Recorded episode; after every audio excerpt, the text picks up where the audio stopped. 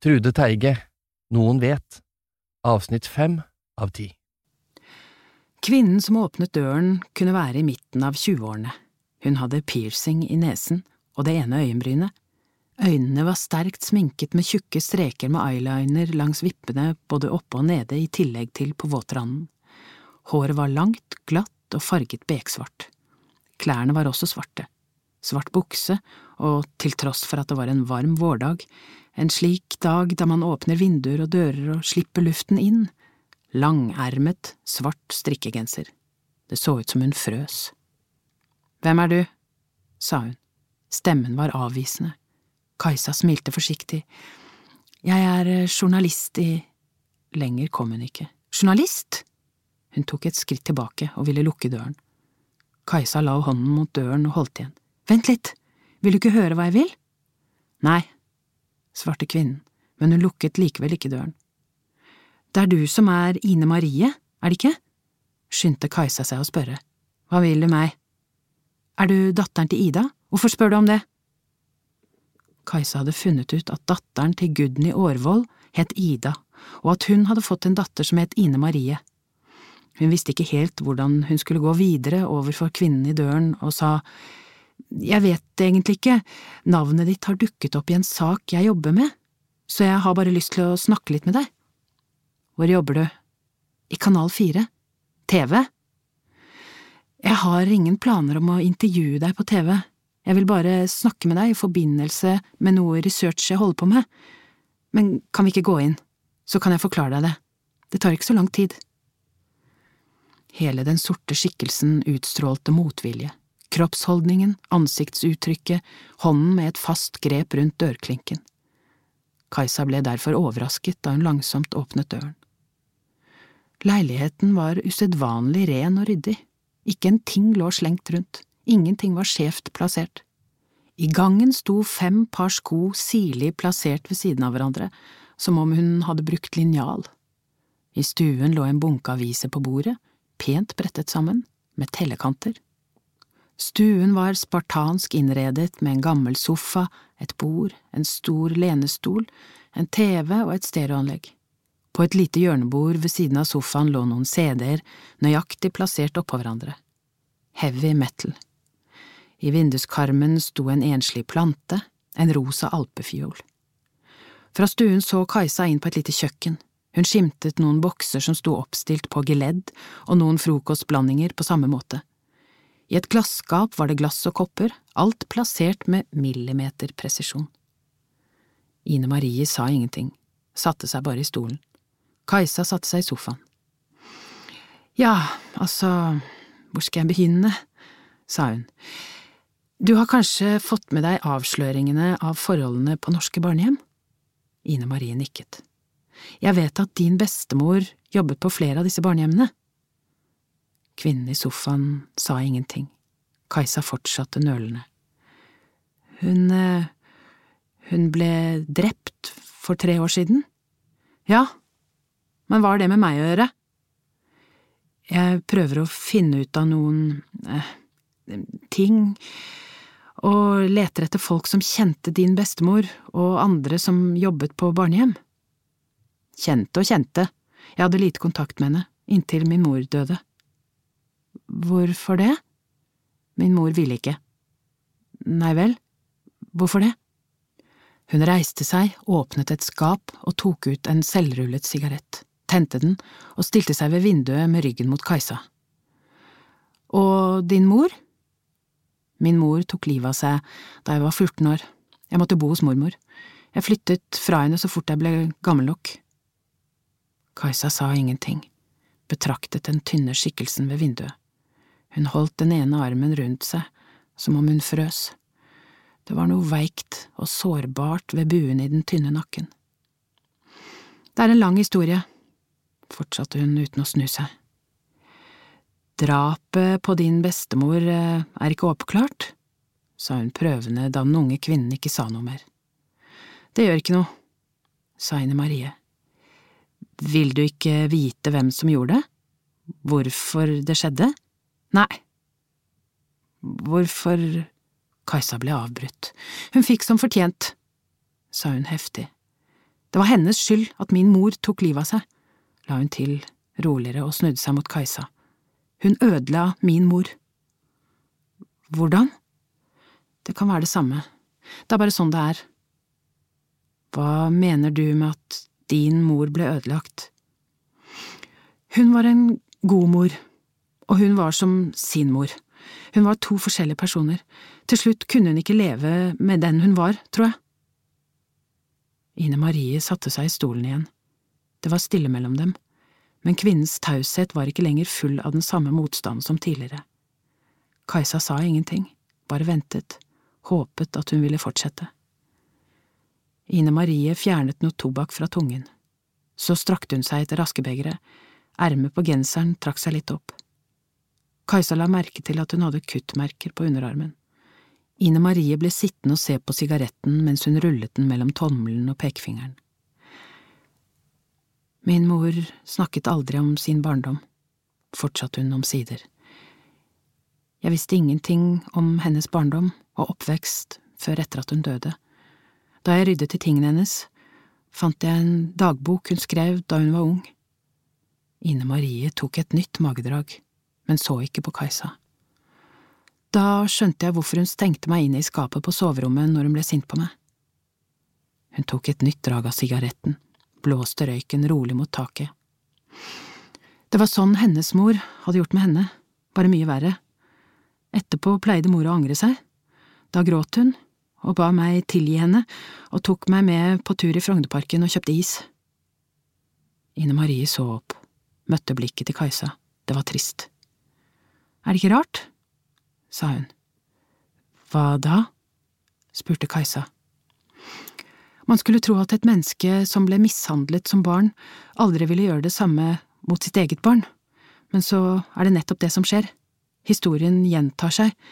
Den som blir slått, slår.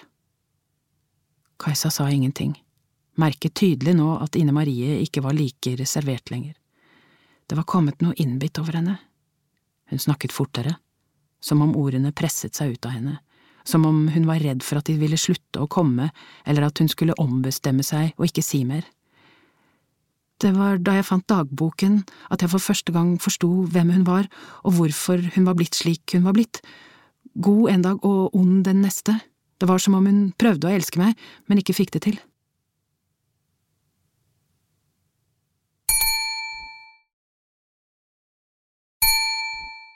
Rett overfor inngangen til Kanal 4 lå en hyggelig, liten kafé. Bare én gang hadde han sett Kajsa ved Kanal 4 når han kjørte forbi, da han fulgte etter den til Nesodden. Derfor hadde han begynt å stikke innom kafeen i stedet, av og til om morgenen, før han gikk på jobben. Særlig de dagene han ikke begynte tidlig. Det endte også at han gikk dit etter jobben om ettermiddagen og kvelden, det hadde vært resultatløst å sitte der, inntil han fant ut hvordan han kunne få greie på når hun jobbet, hvilke vakter hun hadde. Det hadde vært lett. Han hadde ringt desken i Kanal 4, presentert seg med falsknavn, sagt at han var en venn av Kajsa, at han hadde prøvd å ringe på mobilen hennes uten å få svar, og lurte på om hun var på jobb, hvilken vakt hun hadde. Det gjorde alt mye lettere. Han visste sånn cirka når hun var på jobb, og etter det hadde han kunnet observere henne flere ganger. Denne dagen visste han at hun jobbet til klokka fem. Han hadde sittet på kafeen og lest avisen i over en time, og tenkt at hun nok hadde gått fra jobben før han kom likevel. Men da klokka passerte halv seks, og han skulle til å gå, kom hun ut. Han fulgte etter henne på god avstand da hun hentet bilen. Han visste hvor hun parkerte. Da hun kjørte ut av parkeringshuset, fulgte han etter henne. På Stovner ble han sittende i bilen et stykke ned i veien og så at hun gikk bort til en boligblokk. Han ventet litt, før han gikk bort til ringklokkene og gransket rekken med navn. Årvoll? Navnet traff ham som et knyttneveslag. Han fikk ikke puste. Han støtte seg til veggen. Ine Marie Årvoll? Hvem var det? Han gikk tilbake til bilen, grep Imsdal-flasken og drakk lenge. tok litt vann i hånden og strøk seg over ansiktet. Ine Marie Aarvold? Aarvold? Ida. Han knep øynene hardt sammen. Hun var som en drøm. Hun kom løpende mot ham, kastet seg rundt halsen hans. Hun luktet sommer. Huden hennes var gyllen, varm.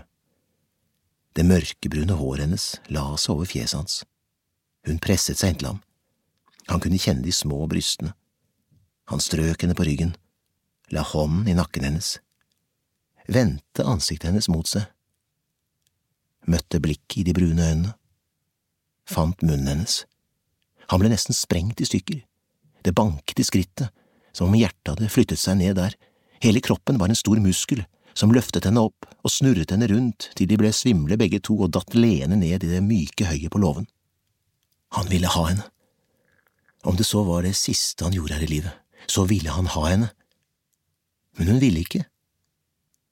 Du må vente, sa hun. Neste år? Kanskje neste år. Da blir vi 16. Da kan vi gjøre det. Hun gjorde ham gal. Han prøvde å protestere, men hun la en finger mot munnen hans. Og ingen må vite om oss. Når én vet, vet alle, og da blir det slutt på det gode, sa hun. Han hadde holdt seg i skinnet i over to år. To uendelig lange år. Han holdt på å bli sprø. Han ville ha henne nå. Det hadde vært midtvinter da hun kom til ham. Det var sånn han tenkte på henne, at hun kom til ham, kom ham til unnsetning, så han ikke frøs lenger. Bestyreren hadde sagt at de ville få en ny kokke. Han, Satan som han kalte ham, hadde ikke sagt at hun hadde en datter. De hadde derfor blitt veldig overrasket. Ja, faktisk hadde noen av guttene stått og gapt, bokstavelig talt, da de så Ida første gang. Hun var på deres egen alder. Guttene på guttehjemmet var ikke vant til jenter, og om kvelden hadde flere enn ham trosset bestyrerens formaning, hendene over dynen, da de la seg. Han hadde fort skjønt at noe var galt. Hun smilte aldri. Hun så alltid ned, nesten alltid, for han merket at hun så på ham av og til. Men når han så på henne, trakk hun blikket til seg. Han hadde elsket henne fra første øyeblikk. Han hadde aldri elsket før. En gang hadde han ligget syk i mange dager. Han hadde vært skikkelig dårlig med høy feber. Til å begynne med hadde han bare ønsket seg noen som brydde seg, noen med myke hender, som strøk en kald klut over det feberhete ansiktet hans. Han hadde blitt så glad for å få være på kammerset ved siden av kjøkkenet. Han hadde trodd at kokka hadde myke, varme hender. Det hadde hun ikke.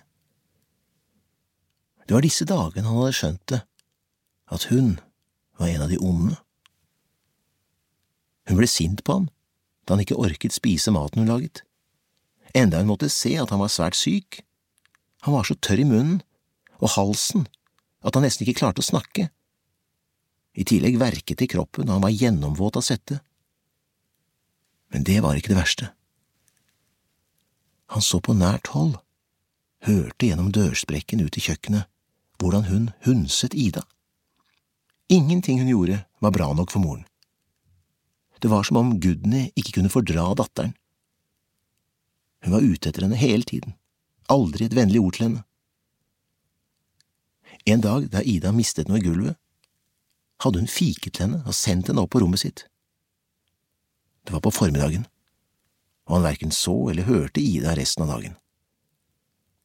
Om ettermiddagen, da han begynte å føle seg bedre og Gudny var ute et ærend, hadde han listet seg opp på loftet der Ida og moren hadde sitt rom. Forsiktig, og med hjertet i halsen hadde han åpnet døren. Først trodde han at Ida ikke var der, rommet var helt tomt. Men så hørte han gråt og forsto at lyden kom fra klesskapet han listet seg over gulvet, hvisket navnet hennes, låste forsiktig opp skapdøren, og der satt hun, med redde øyne, og armene løftet som om hun ventet at den som åpnet skulle slå henne. Det var da han hadde forstått at hun hadde det som ham, at hennes mor var akkurat som hans hadde vært. Han hadde ikke visst hva han skulle si, bare stirret på henne. Hun hadde sett på ham med rødkantede øyne og hovne kinn. Gå, hadde hun hvisket, du må gå før hun ser deg. Da han ikke viste min til å rikke seg, det var som bena var limt fast, dyttet hun ham hardt. Du må gå, bare gå og låse igjen. Det var det verste han hadde måttet gjøre noen gang, å låse henne inne. Akkurat da han vred om nøkkelen, skjønte han at det var for sent. Gudny sto i døren og så på ham med kalde, rasende øyne. Låven hadde vært deres møtested i to år. Han trodde ikke noen visste om det, men han var ikke sikker. Uansett var han ikke redd. Ingen av guttene ville røpe noe. De var redde for ham. De hadde sett hvordan han kunne hevne seg. Den siste kvelden før han dro, hadde han og Ida sneket seg ut om natten og tilbrakt flere timer sammen i høyet på låven, helt til solen farget himmelen rosa. Hun hadde grått fordi han skulle dra. Det gjorde henne svak og ettergivende, og han hadde tatt henne. Hun hadde bedt ham om å la være, hun ville ikke, men han kunne ikke stoppe, kunne ikke holde igjen lenger, og til slutt hadde hun bare ligget helt stille. Hun gråt da han forlot henne. Neste dag tenkte han at han aldri kunne se henne igjen, aldri møte øynene hennes noen gang etter det han hadde gjort. Det var den dagen han for første gang forsto at han måtte gjøre opp, ikke bare for seg selv, men for Ida og for alle de andre som ikke selv hadde styrke nok til det. Han skulle straffe dem som ikke ble straffet.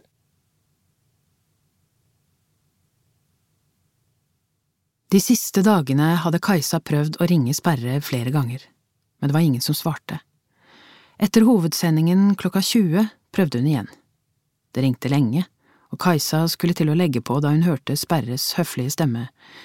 Det er jo Sperre, vær så god. Kajsa rakk bare å si navnet sitt før han la på. Forbaska sperre! Kajsa kjente hvordan sinnet i henne vokste, hun la på og ble sittende og kope. Hva var det Sperre trodde? At hun var dum? At hun ikke ville stille spørsmål ved hans motiver? At hun ikke ville tenke at han måtte vite mer enn han hadde sagt? Hennes medynk med Sperre ble blandet med både oppgitthet og forargelse. Ok, hvis han ikke ville snakke med henne, så skulle hun klare å finne ut av dette likevel. Hun skulle neimen ikke gi seg så lett, for her var det flere som visste mer enn de sa. Kjelstad, for eksempel. Nok en gang var det kona som tok telefonen. Det er sent, svarte hun på Kajsas spørsmål om det var mulig å stikke innom. Kajsa hørte noen si noe i bakgrunnen. Et øyeblikk, sa kona. Hun kunne høre stemmer som snakket sammen så var hun tilbake. Han sier han vil treffe deg, sa hun og sukket oppgitt. Du får komme da, men du kan ikke bli lenge, han blir fort sliten, vet du. Klikk, så var hun borte.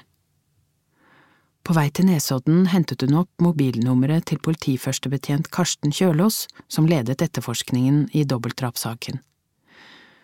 Da hun jobbet som krimjournalist, hadde Kjølås vært en kilde hun pleiet kontakt med.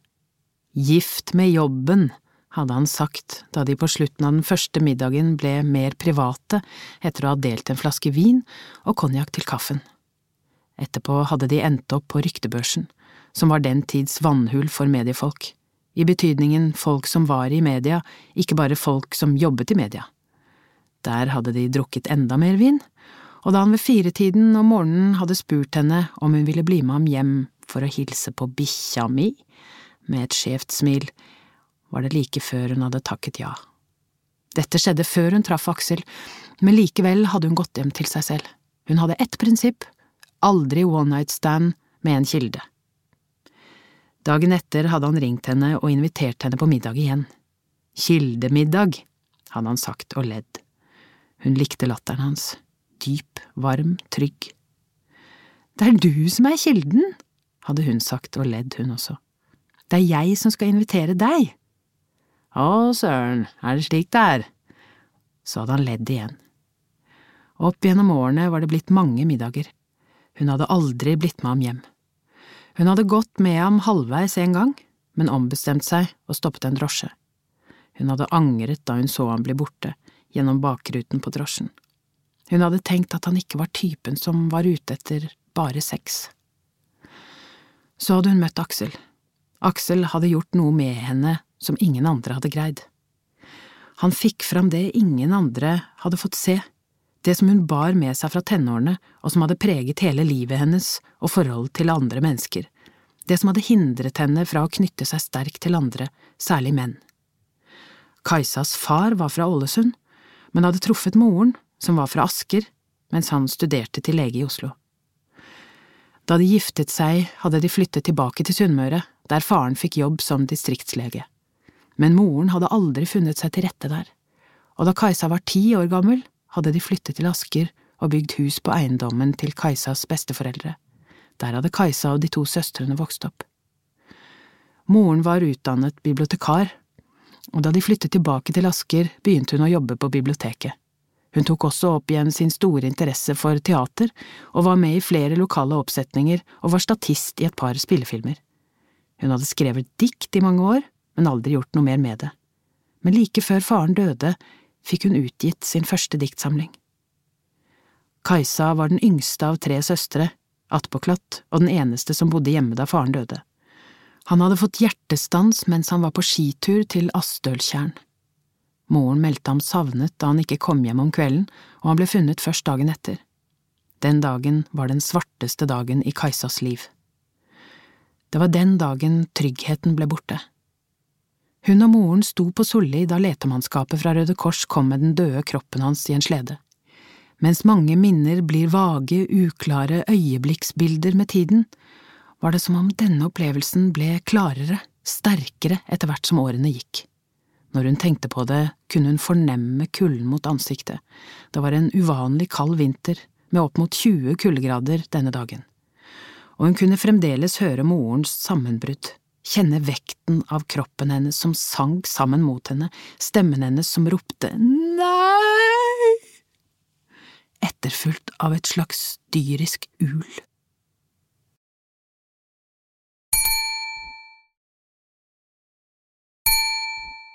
Kajsa var bare 15 år da det skjedde, men det var hun som var den sterke, den som ikke brøt sammen, ikke kunne bryte sammen, den som undertrykte følelsene sine for ikke å gjøre det verre for moren.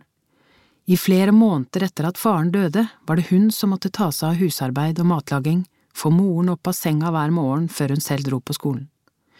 Besteforeldrene hadde prøvd å hjelpe, men moren ville ikke ha dem der. Hun ville bare ha Kajsa rundt seg og Kajsa hadde aldri kjent en slik ensomhet som hun hadde gjort da hun på mange måter gikk inn i morsrollen for sin egen mor. Det hadde ikke vært plass til hennes sorg. Det hadde vært bra at hun hadde hatt så mye å gjøre. Det hadde tatt alle krefter, hun hadde vært stuptrøtt hver kveld, sovnet fort, og når bestemoren kom og så på Kajsa med triste øyne og innimellom prøvde å få Kajsa til å snakke om det som hadde skjedd, hadde Kajsa vendt seg fra henne. Selv om det eneste hun ville var å være liten og sitte på fanget til bestemoren og kjenne de runde armene hennes rundt seg, kjenne henne stryke seg over håret, gråte mot brystet hennes, høre henne si at alt ville bli bra igjen. Men hun trodde at dersom hun gjorde det, ville hun ikke kunne være sterk nok for dem begge, både moren og seg selv. Etter hvert hadde det gått bedre med moren, men da var det for sent. Kajsa kunne ikke kjenne noen sorg, bare bitterhet mot faren. Han som hadde levd av å gjøre andre friske, hadde ikke kunnet redde seg selv. Hvordan kunne han gjøre dette mot dem, mot henne, hun som hadde stått så nær ham? Etter hvert ble bitterheten til et veldig sinne, en mørk klump som la seg nederst i magen og trykket henne ned. Og moren hadde aldri skjønt, eller villet skjønne, at hun tok fra Kajsa muligheten til å bearbeide sorgen. Da moren begynte å fungere noenlunde normalt, fortsatte likevel Kajsa å være sterk for henne når hun trengte det. Hun fortsatte å være mor for sin mor, men inni seg var hun liten og svak. Det var det ingen som så. Helt til hun møtte Aksel. Hun jobbet som krimjournalist i Aftenposten. Han var i ferd med å etablere seg som en kjent psykiater, og hun intervjuet ham om hvordan det var å være sakkyndig i rettssaker. Aksel var fem år eldre enn henne. Han var den første og eneste hun hadde fortalt om faren til. Han mente at hun holdt fast ved dette sinnet som et forsvar mot sorgen hun aldri hadde sluppet til. Aksel hadde vært der for henne. Han hadde lokket henne og tvunget henne til ikke å lukke øynene, men kjenne på sorgen, savnet av faren som fantes et sted, gjemt unna. Hun hadde klamret seg til ham som til en livbøye da demningen brast. Men hun kunne ikke fortsette med det, det måtte ta slutt, og hun merket også etter en tid at han ble mindre opptatt av det, kanskje ble han trøtt av det, kanskje var han bare psykiateren som gjorde det faglig riktige og ikke tillate henne å dyrke sorgen. Så hun sluttet å snakke om det. Han sluttet å spørre. Det var nødvendig, for hennes skyld, for deres skyld. De kunne ikke bygge et forhold på et slikt fundament, der hun ble behandlet av ham. Hun lot som hun var igjennom det, men nå bar hun på en sorg som kjentes nyskapt og fersk. Hun sa det ikke til Aksel, men hun bar den med seg hver dag. Etter hvert tenkte hun ikke bare på farens død, men sin egen, på Aksels, morens, barnas. Døden ble en skygge over livet hennes. Hun visste at hun ikke kunne fortsette sånn. Skyggen la seg overalt og var i veien for livsgleden. Hun endte opp med å bruke mye krefter på ikke å tenke på det, og resultatet var at hun kjente seg konstant sliten. Men hun lyktes ikke i å jage skyggen vekk, den fortsatte å være i veien for mye annet hun opplevde i livet, for andre mennesker for opplevelser og innlevelse, men mest av alt skapte den i henne en angst for at noe skulle skje med henne selv, med hennes nærmeste. Særlig ille ble det etter at hun fikk barn. Da ble hun redd for å bli syk og dø, ikke for sin egen del, men redd for at Aksel og barna skulle bli alene. Hun hadde erfart at livet var uforutsigbart, og det vonde kunne ligge like bak neste sving i livet. Det kunne derfor synes underlig at hun endte opp med å jobbe med drapssaker, for det var de som hadde trukket henne mot krimjournalistikken. Ikke småkriminalitet, overfall, gjengvold, voldtekt eller økonomisk kriminalitet, men drap. Når hun jobbet med slike saker, ble skyggen i hennes eget liv mindre. Da kunne hun tenke profesjonelt og upersonlig på døden. Det var ikke farens, det var ikke hennes egen, hennes barns, det var døden til mennesker som ikke vedkom henne. Drapssaker som berørte fremmede mennesker, ga henne en avstand til døden som hun ellers ikke hadde, og gjorde henne på forunderlig vis lettere til sinns. Men hun var like engstelig, hver dag. Engstelsen for at noe skulle tilstøte hennes nærmeste, ble plantet i henne gjennom morens ul den dagen de kom slepende med faren ut av skogen. Hun kunne bli helt ute av seg dersom Anders dro til en kamerat og hun ringte dit for å be ham komme hjem flere timer senere uten at noen tok telefonen. Da trodde hun umiddelbart det verste, at kameratens familie ikke var hjemme, og at Anders hadde gått hjem igjen, at han var blitt dratt inn i en bil eller noe slikt, at noen hadde tatt ham med seg, at hun ikke oppdaget det før det var gått mange timer. Derfor brukte hun å følge etter ham. Ikke sånn at han så det, han måtte jo få frihet til å klare seg på egen hånd, være stolt av å mestre noe alene, men hun fulgte etter ham for å se at han gikk inn til kameraten, forsikret seg om at han var der hun trodde han var. Ofte ringte hun etter et par timer, under påskudd av at Anders nok var sulten, for å være helt sikker på at han fremdeles var der. For det kunne jo tenkes at han kunne finne på å gå hjem uten at hun visste det, at noen hadde gjort ham noe vondt på veien, noen store gutter, en pedofil mann kunne ta ham. Aksel ville helt sikkert gitt henne en diagnose om han visste hvordan hun tenkte, hvor langt hun gikk i å overvåke Anders, derfor fortalte hun det aldri. Aller mest var hun redd for å være alene i huset. Når Aksel og barna en sjelden gang var borte, og hun var alene i huset om natten, brukte hun å sove på sofaen i stuen. Huset var påtrengende tomt når det ikke var andre enn henne der. Hun torde ikke se seg selv i speilet når hun pusset tennene, torde ikke møte sitt eget blikk, for når hun var alene, var det som om hun ble en fremmed for seg selv.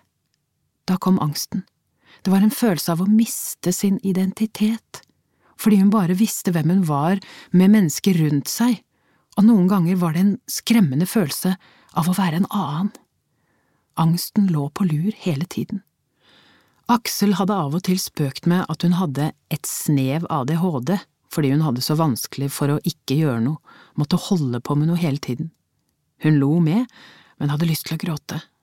Hun kunne fortalt ham om uroen i kroppen, behovet for å utrette noe hele tiden hvordan morens ul og bildet av farens livløse kropp i pulken fulgte henne hver dag, i større eller mindre grad. Hun kunne ikke fortelle at hun hadde funnet en ro alene på terrassen som var uforklarlig, men nødvendig for å beholde fotfestet, et sted hun kunne sitte helt stille, der det var godt å være alene med seg selv. Ingenting av dette fortalte hun Aksel. Hun var redd for at han ville sykeliggjøre henne han ville sikkert begynne å snakke om posttraumatisk stresslidelse eller noe sånt. Det kunne hun ikke klare. Nå, så mange år senere, tenkte hun at det hun hadde følt for Aksel, kanskje ikke hadde vært en normal forelskelse. Kanskje det var mer et pasient-psykiater-forhold, der de hadde tolket den felles opplevelsen av å bety så mye for hverandre, på ulike måter riktignok, som andre følelser enn det egentlig var for hun hadde sett det på øynene hans, da hun til slutt satte ord på smerten ved å miste faren, at han følte at han hadde lykkes.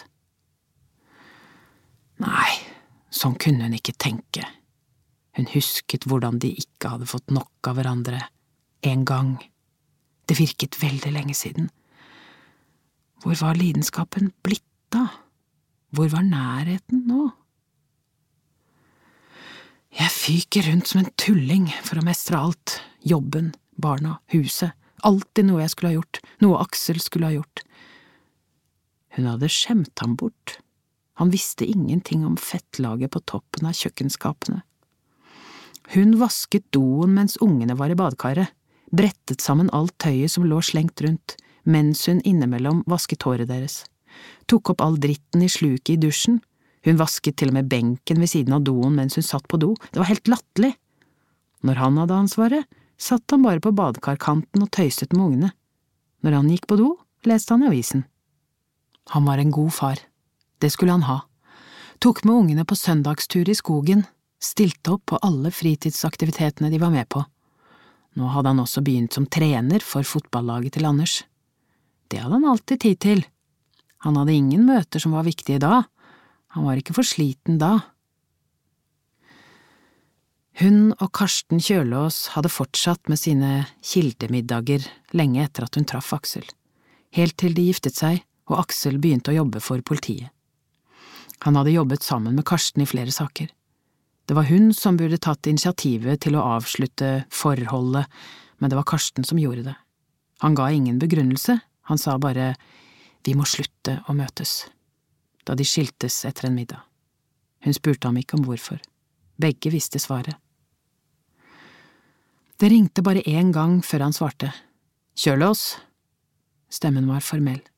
Hei, det er Kajsa. Du verden, sa han bare. Hun hadde tenkt ut hva hun skulle si. Beklager at jeg ringer så sent, men en kollega som jobber med krim ble syk i kveld og ba meg om å ta en sjekketelefon til deg. I stedet sa hun, eh, kildemiddag? Ja, sa han bare. Det vanlige stedet? Ja. Klokka sju i morgen? Fint, jeg bestiller bord. Ok, ha det. Hun kjente en svak sitring, som en varme fra en hånd legge seg over brystet. Henrik Kjelstad sto ved det store vinduet med kikkerten. Han hadde fortalt om den sist hun var der, den var fra krigen, kjøpt fra Forsvarets avhendingsprosjekt. Makan til kikkert er ikke å oppdrive i dag, sa han. Den sto på et gammelt, slitt stativ, som virkelig så ut som det var fra krigen. Han bøyde seg lett framover og så inn i den. Hva ser du? spurte Kajsa og gikk fram til ham. Huset ditt, sa han. Huset mitt? Han så på henne. Jeg er politimann, selv om jeg er pensjonist. Jeg sjekker folk. Nå vet jeg hvor du bor. Han humret. Hun så på ham, den lange, senete kroppen, det hvite, veldig kortklipte håret og de utrolig lyseblå øynene.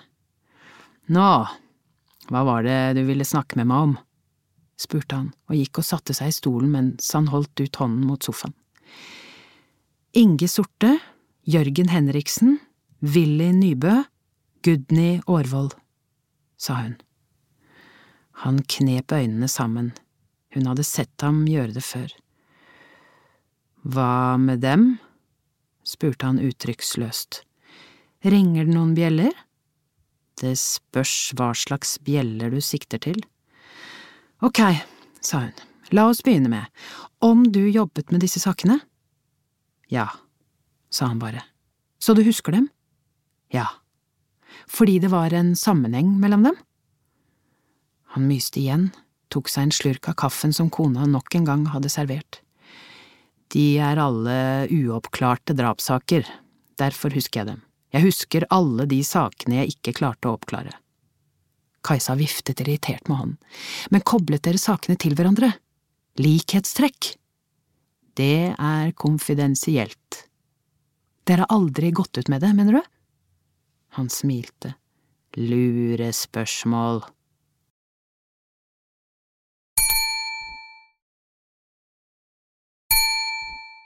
Kajsa så ettertenksomt ut av vinduet, på den storslagne utsikten over fjorden, der hun visste hennes eget hjem lå. Så snudde hun seg mot ham, holdt blikket hans fast. Fellesnevneren er dop. Det var bare en tanke som slo ned i henne der og da, et skudd i blinde. Det ble brukt ketamin på flere av ofrene. Det var ikke noe spørsmålstegn bak, hun sa det som om hun slo fast et faktum, at det var noe hun visste. Det var mildt sagt å overdrive. Ketamin var bare nevnt i én av sakene, og når det gjaldt Gudny Aarvold, visste hun ingenting om dødsårsaken i det hele tatt. Et kort sekund syntes hun å skimte forbløffelse hos ham, men hun kunne ikke være sikker, bare et glimt i blikket, ansiktet fortrakk ikke en muskel. Kanskje var det nettopp det som fikk henne til å tenke at hun traff blink, fordi mimikken var uforandret, ingen nyve over neseroten denne gangen, som om han var innstudert uanfektet. Jaså, sier du det? sa han. Kajsa sukket oppgitt og reiste seg. Jeg skjønner at du ikke vil si noe. Hun rakte ham kortet sitt. Ring meg hvis du ombestemmer deg. Hvorfor spør du om vi koblet alle disse fire sakene til hverandre, sa han. Kajsa så tankefullt på Kjelstad. Han vet ikke at det er en kobling, tenkte hun. Jeg vet noe du ikke vet, sa hun. Hva da? Kjelstad myste. Tror du jeg har tenkt å gi deg informasjon når du ikke gir meg noe? spurte hun tørt. Kjelstad svarte ikke, fortsatte bare å myse mens han presset leppene sammen. Med mindre… sa hun og holdt inne. Hva er det du pønsker på nå, da? sa han og dyppet en kjeks i kaffen. Alle ble dopet. Gjerningsmannen hadde tilbrakt tid sammen med ofrene, dere koblet dem derfor til hverandre, men klarte altså likevel ikke å løse sakene, dere manglet noe som jeg vet. Og hva er det? Du først, har jeg rett, stemmer det jeg sier? Kjelstad stønnet svakt og så oppgitt på henne. Ok, du har rett det ble brukt dop, og ja, de ble trolig mishandlet over tid. Og ja, jeg tror det kan ha vært samme drapsmann, men legg merke til at jeg sier kan. Vi hadde ingen tekniske bevis for det. Omstendighetene rundt drapene var like, men det var bare to av dem som kunne knyttes til hverandre fordi det var et kontaktpunkt mellom de drepte. Ok, og nå din tur, spytt ut. Det er her du tar feil. Alle fire hadde jobbet på barnehjem eller spesialskoler. Alle? sa han, tydelig overrasket nå. Alle fire, men Willy Nybø jobbet som bestyrer hele livet, Gudny Aarvold som kokke, de to andre hadde helt andre jobber, andre bakgrunner, Sorte var bankmann, Henriksen var ingeniør om jeg ikke husker feil. Jeg vet ikke hva de gjorde, eller når, sa Kajsa, jeg vet bare at de på en eller annen måte var innom barnehjem eller spesialskoler. Kanskje var de frivillige, kanskje jobbet de bare korte perioder i systemet, mens de studerte, for eksempel. Sorte og Henriksen var jo mye yngre enn Nybø og Årvoll. hva vet jeg? Hm, ja, hva vet du? Hvordan vet du det? Han slo oppgitt ut med armen, rynket brynene og så strengt på henne. Han lignet veldig på den bryske, vanskelige politimannen han hadde vært en gang. Kajsa smilte. Hvorfor smiler du? bjeffet han. Fordi du ligner veldig på deg selv akkurat nå, sa hun. Ansiktet hans løste seg opp i et smil, men han hadde fortsatt en bekymret rynke ved neseroten. Hvis du har rett, kan vi ha med en seriemorder å gjøre. En seriemorder gir seg ikke før han blir tatt. Vær forsiktig, Kajsa. Var ikke utringningen litt for dyp? Kajsa sto på toalettet på jobben og gransket seg selv kritisk i speilet. Søren heller, hvorfor skulle ikke hun kunne være sexy? Hun dro den sorte toppen lenger ned, mer cleavage, og gjorde en grimase mot sitt eget speilbilde.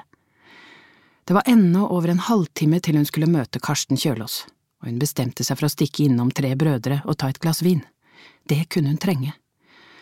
Han er en kilde, Kajsa, tenkte hun, en som gir deg opplysninger, informasjon, det er det du lever av.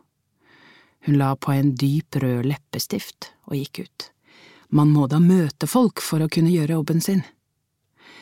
Men hjertet dunket forrædersk hardt da hun en halvtime senere satte kursen mot teaterkafeen. Samtidig følte hun seg oppløftet en god følelse av…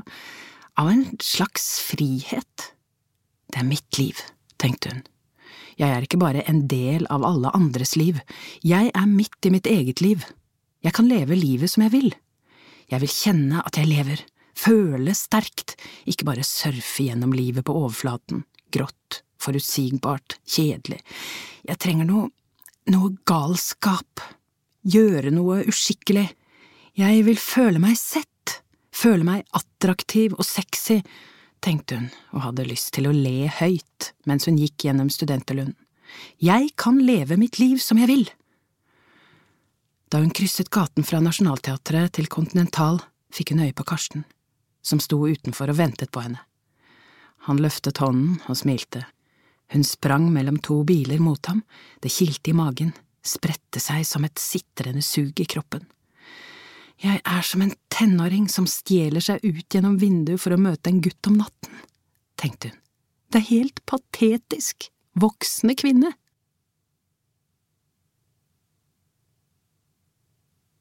Han visste at hun jobbet til klokka åtte, men han hadde allerede vært på plass på kafeen klokka sju. Heldigvis. For bare noen minutter etterpå hadde hun kommet ut. Hun hadde knallrød leppestift et turkist sjal rundt halsen og lang, grå kappe. Hun kledde sterke farger. Først var hun innom Tre brødre og tok et glass vin.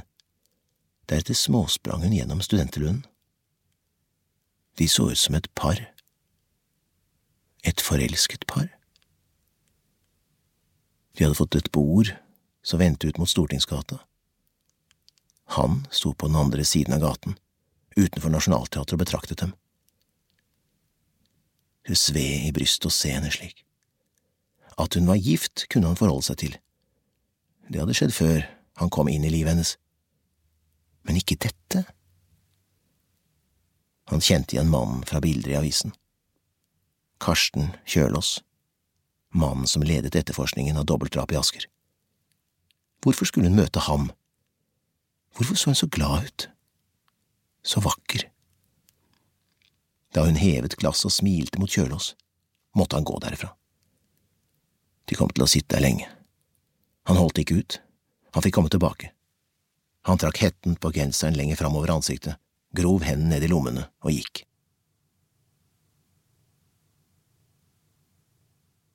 Det var som om tiden hadde stått stille.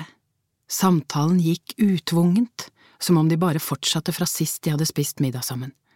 Karsten bestilte Sancerre. Fortsatt favoritten? sa han spørrende. Kajsa lo. Jaså, du husker det? Han tok en testslurk av vinen. Jeg har hukommelse som en elefant, lo han og viste med en håndbevegelse at vinen var godkjent og at kelneren kunne skjenke opp til Kajsa. Og hva betyr det? Smilte hun og løftet øyenbrynene, som om hun var overrasket. Det betyr at jeg husker alt. Han smilte ertende. Alt, gjentok han. Hun lot som hun ikke forsto. De spilte et skuespill, der begge kunne replikkene, begge visste hva som lå under ordene. Alt hadde en referanse til en gang for lenge siden. Man skal ikke huske alt, man skal bare huske det som er verdt å huske, sa Kajsa. Det er jeg enig i, men man skal huske alt når alt er verdt å huske. Kajsa møtte blikket hans. Han smilte, det glimtet av humor i øynene hans, men det var også et islett av noe annet. Hun skulle til å svare, men i det samme kom kelneren med forretten. Det var veldig godt. Kajsa tørket seg diskré rundt munnen med servietten. Dessert eller kaffe og konjakk? Nei, forresten, ikke svar.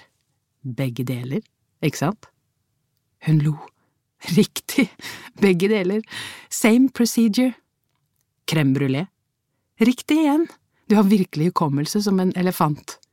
Nemlig, smilte han. Da han hadde bestilt desserten, så han spørrende på henne. Kildemiddag? Ja, kildemiddag. Hvem er kilden? Du og jeg. Hvordan da? Vi har begge noe den andre trenger. Og hva har du som jeg trenger? Siden det er jeg som har invitert deg, så er det mitt privilegium å stille spørsmål først, ikke sant? Hm, den gode, gamle Kajsa. Ok, da. Hva skjedde med barnet? Karsten så overrasket på henne. Barnet? sa han. Du, ikke spill skuespill for meg, jeg vet om barnet som ble tatt fra dem, jeg… Han avbrøt henne. Ok, jeg burde selvsagt visst bedre.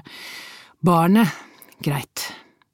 Og hva får jeg igjen dersom jeg forteller deg om barnet? Jeg vet noe du trenger å vite. Han så tankefullt på henne. Jobber du med saken? Jeg trodde du hadde sluttet som krimjournalist. Riktig, jeg har sluttet, jeg jobber ikke med dobbeltdrapet, det er noe annet jeg har dumpet borti, en annen sak jeg jobber med. Ja vel, men det er ett problem. Hva da? Hvis jeg forteller deg om barnet, kan du da love meg å holde kjeft om det, iallfall inntil videre? Kanal 4 kan ikke sitte på denne informasjonen lenge, kanskje vi kan klare å vente et par dager. Vi kommer også til å gå ut med historien fra krigen. Løy hun. Det var blitt veldig enkelt å lyve i det siste. Hm, krigen. Karsten pirket irritert på duken. Brevet du fikk, du kan da ikke bruke det, du må holde det for deg selv, Kajsa. Tips, løy hun. Det er ikke jeg som vet, en kollega har fått et tips om det og undersøkt det. Sterk historie. Ikke bra. Nei vel? Nei, det er eh, komplisert, vi trenger tid. Kan du vente litt lenger, jeg skjønner jo at dere vil være først ute med disse historiene, men dere er alene med det, dere kan vente. Jeg skal prøve, svarte Kajsa. Og én ting til. Han nølte, men bare et par sekunder. Er ikke dette vanskelig for Aksel, at du vet så mye? Ikke så lenge du vet at det ikke er han som har røpet noe. Det er nemlig sånn at en kollega av meg har fått et tips om hva som skjedde da ekteparet var unge, før jeg mottok brevet. Løy hun. Og barnet har Birte fortalt meg om. Du kan ikke forvente at jeg ikke skal dele denne informasjonen med kollegaene mine, at Kanal 4 skal sitte på disse sakene uten å foreta seg noe. Ok, jeg får ta sjansen og stole på deg, men da går jeg ut ifra at det du har til meg er viktig. Jeg skal ikke skuffe deg, sa hun. En halv time senere lente han seg tilbake. Etterforskningen viser altså at barnet er en dead end, bokstavelig talt. Han smilte skjevt over sitt eget ordvalg. Er du helt sikker? Ja, vi har informasjon fra ambassaden i Cape Town. Gutten falt over bord og ble aldri funnet. Passet hans ble heller ikke funnet. Trolig hadde han det i lommen, og det ble borte med ham. Ambassaden sendte oss listen med navnene på dem som gikk i land. Vi leter etter den andre gutten som var sammen med ham. Den andre gutten? Ja, han mønstret på sammen med en annen.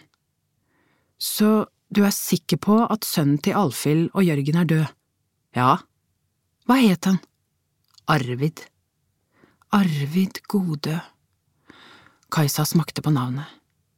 For en skjebne, for et liv, sa hun trist.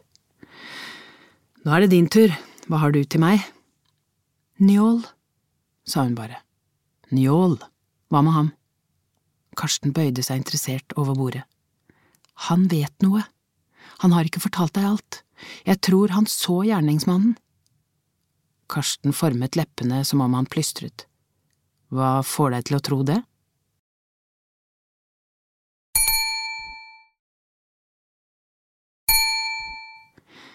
Kajsa fortalte om den første gangen hun møtte Njål, hvordan han hadde sagt De er døde, veldig døde. Hvordan kunne han vite det? Du hadde jo sendt direkte derifra den morgenen, han hadde vel sett på TV? Nei, han sa han ikke hadde sett TV-sendingene. Hun fortalte også hva Njål hadde sagt etter Karstens avhør av ham den dagen Kajsa var på besøk hos Njål og Birte, at han hadde sett en mann i skogen. Det kunne være gjerningsmannen. Njål kunne til og med ha sett ham gå inn i huset. Han er bare så vanskelig å nå inn til, denne Njål. Jeg vet ikke hvordan jeg skal få ham til å fortelle meg hva han kan ha sett, sukket Karsten oppgitt. Han snakker bare til folk han kjenner, de han føler seg trygg på, ikke til en fremmed politimann. Karsten så granskende på henne. Du, sa han, du kan… Hva? avbrøt hun ham. Nei, du mener ikke… Det kan jeg ikke. Hvorfor ikke? Han kjenner deg, ingen trenger å vite at vi har snakket om det. Jo, men… Hun avbrøt seg selv, en tanke var i ferd med å ta form. Karsten så avventende på henne. Ok, jeg kan jo prøve, det er ikke sikkert det går, men i så fall… Du, ikke prøv deg. Jeg kjenner det uttrykket i ansiktet ditt, hva er det for slags gjenytelse du vil ha? Kajsa lo. Jo, han kjente henne, hun likte det. Jeg vil eh, vite én ting. Bar drapet preg av at gjerningsmannen kjente ofrene på noe vis? Karsten dro på det.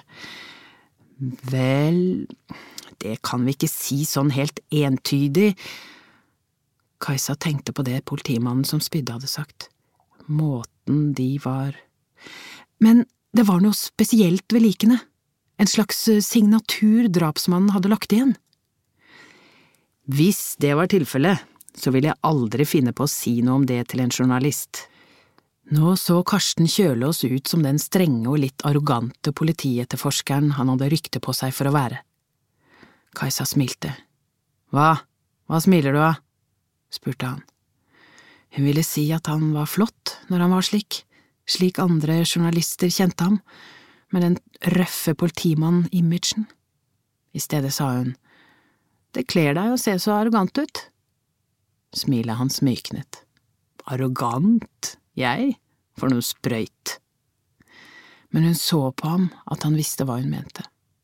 Syns du jeg er arrogant? spurte han. Jeg? Nei, ikke jeg. Jeg vet jo at du er myk som smør, innerst inne, lo hun påtatt ironisk mot ham. Han bøyde seg mot henne, la hånden over hennes, hvisket. For Guds skyld, ikke si det til noen! Kajsa humret, berøringen hans hadde vært lett som en fjær, men spredte seg med tyngde fra hånden til hele kroppen. Så løftet hun blikket og så alvorlig på ham. Men svar meg på dette, var gjerningsmannen i huset lenge, kanskje flere dager, så lenge at han holdt ekteparet fanget før han tok livet av dem? Karsten så skarpt på henne. Hvorfor spør du om det? Jaså, så der traff jeg blink, sa hun bare. Karsten snurret vinglasset rundt på bordet. Du vet veldig godt at slikt kan jeg ikke kommentere men han hadde fått en bekymret mine rundt munnen. Hva er det du er på sporet av? Spurte han. Jeg vet ikke, sa hun ærlig. Jeg vet faktisk ikke. Det er noe som mangler, og noe som henger sammen, men jeg ser ikke mønsteret, jeg, jeg mangler, hva skal jeg si, knutepunktet. Ja, det var jo et tydelig svar, sa han. Lov meg at du forteller meg det dersom du kommer over noe viktig. Ja, det skal jeg, sa hun, men foreløpig er det hele veldig uklart for meg, det handler om noe mer, noe annet enn din etterforskning. Men vær forsiktig, lov meg det. De hentet tøyet sitt i garderoben og småsprang mellom bilene over gaten fra Continental. Karsten la hånden beskyttende over korsryggen hennes. På den andre siden stanset de. En tanke hadde slått henne. Hva skjedde med Arvid etter at han ble tatt fra foreldrene? Barnehjem? Kajsa kjente kulden krype under kåpen. Barnehjem, selvsagt, Arvid hadde havnet på barnehjem. Hun skuttet seg i den kalde vinden og strammet beltet på kåpen da de kom til nedgangen til stasjonen ved Nationaltheatret. Noe som mangler, noe som henger sammen. Fryser du? sa han og la hendene på skuldrene hennes og masserte overarmene med rolige bevegelser. Hun møtte blikket hans, det brant seg inn i hennes. Hun ville lene seg inntil ham, hun ville kjenne… Nei, hun avbrøt tanken og trakk seg unna. Han slapp henne, armene hans hang rett ned, og han så over skulderen hennes som om han lette etter noe å feste blikket på. Jeg eh, får vel gå, sa hun. Ja, du får vel det, sa han uten å se på henne. Kanskje du vil treffe bikkja? Han sa det i en spøkefull tone, men smilet var ikke så skøyeraktig som det brukte å være. Kajsa hevet en finger mot munnen hans. Hysj, sa hun. Fort grep han hånden hennes, trykket pekefingeren mot leppene sine.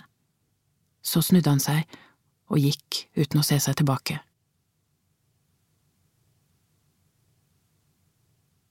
Inntil Nationaltheatrets bygning sto en mann i svart hettegenser, med blikket stivt festet på Kajsa og Karsten. Han knyttet nevene i lommene. Han kjente seg liten, liten som i kottet under trappa i mørket. Da Kajsa tok farvel med Karsten Kjølås, gikk mannen med raske skritt mot Vika, der han hadde parkert bilen.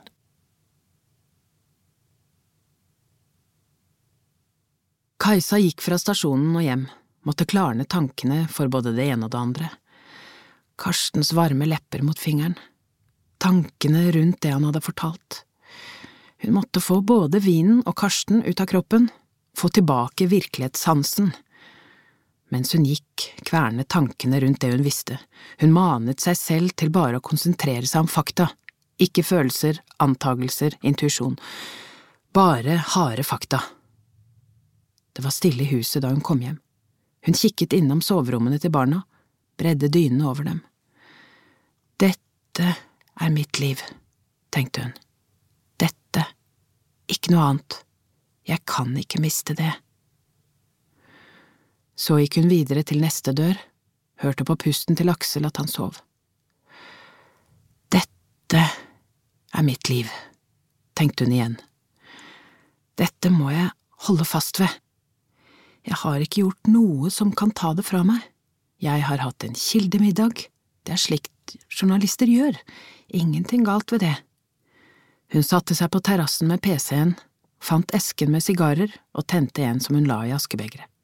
Inhalerte ikke, bare snuste i seg duften. Ah, nå lukter det stor kar her, tenkte hun og smilte. Som vanlig gikk hun først inn på Outlook og sjekket e-posten.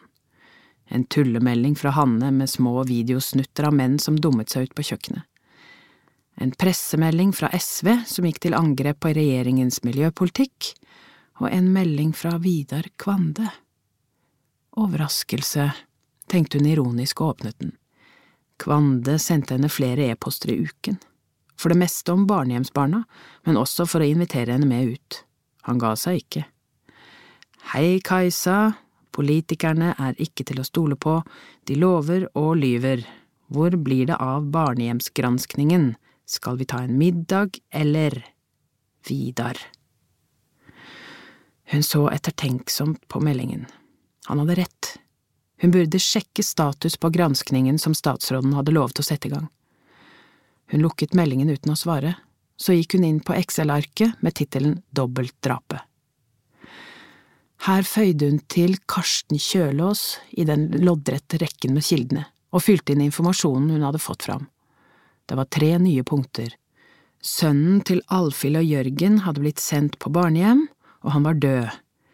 I tillegg var det et fellespunkt til mellom dobbeltdrapet og to av barnehjemsdrapene, iallfall sånn hun tolket Karstens reaksjon.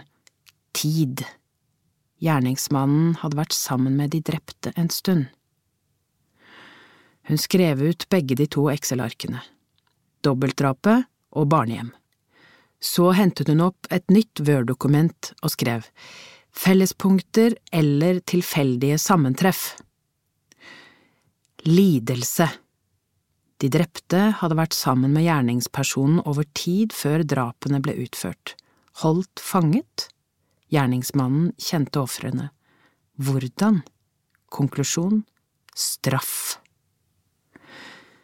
Barnehjem? De drepte var på Jakob Sperres liste over overgripere som jobbet på barnehjem. De fire drepte hadde jobbet på barnehjem, skråstrek spesialskoler. Ekteparet i Asker hadde et barn som havnet på barnehjem. Konklusjon kryssende spor. Dop Det tredje og mest håndfaste fellespunktet bruk av dop da drapene ble begått. Trolig var samme type dop, ketamin, brukt både på ekteparet Godø og de andre drapene. Konklusjon samme metode.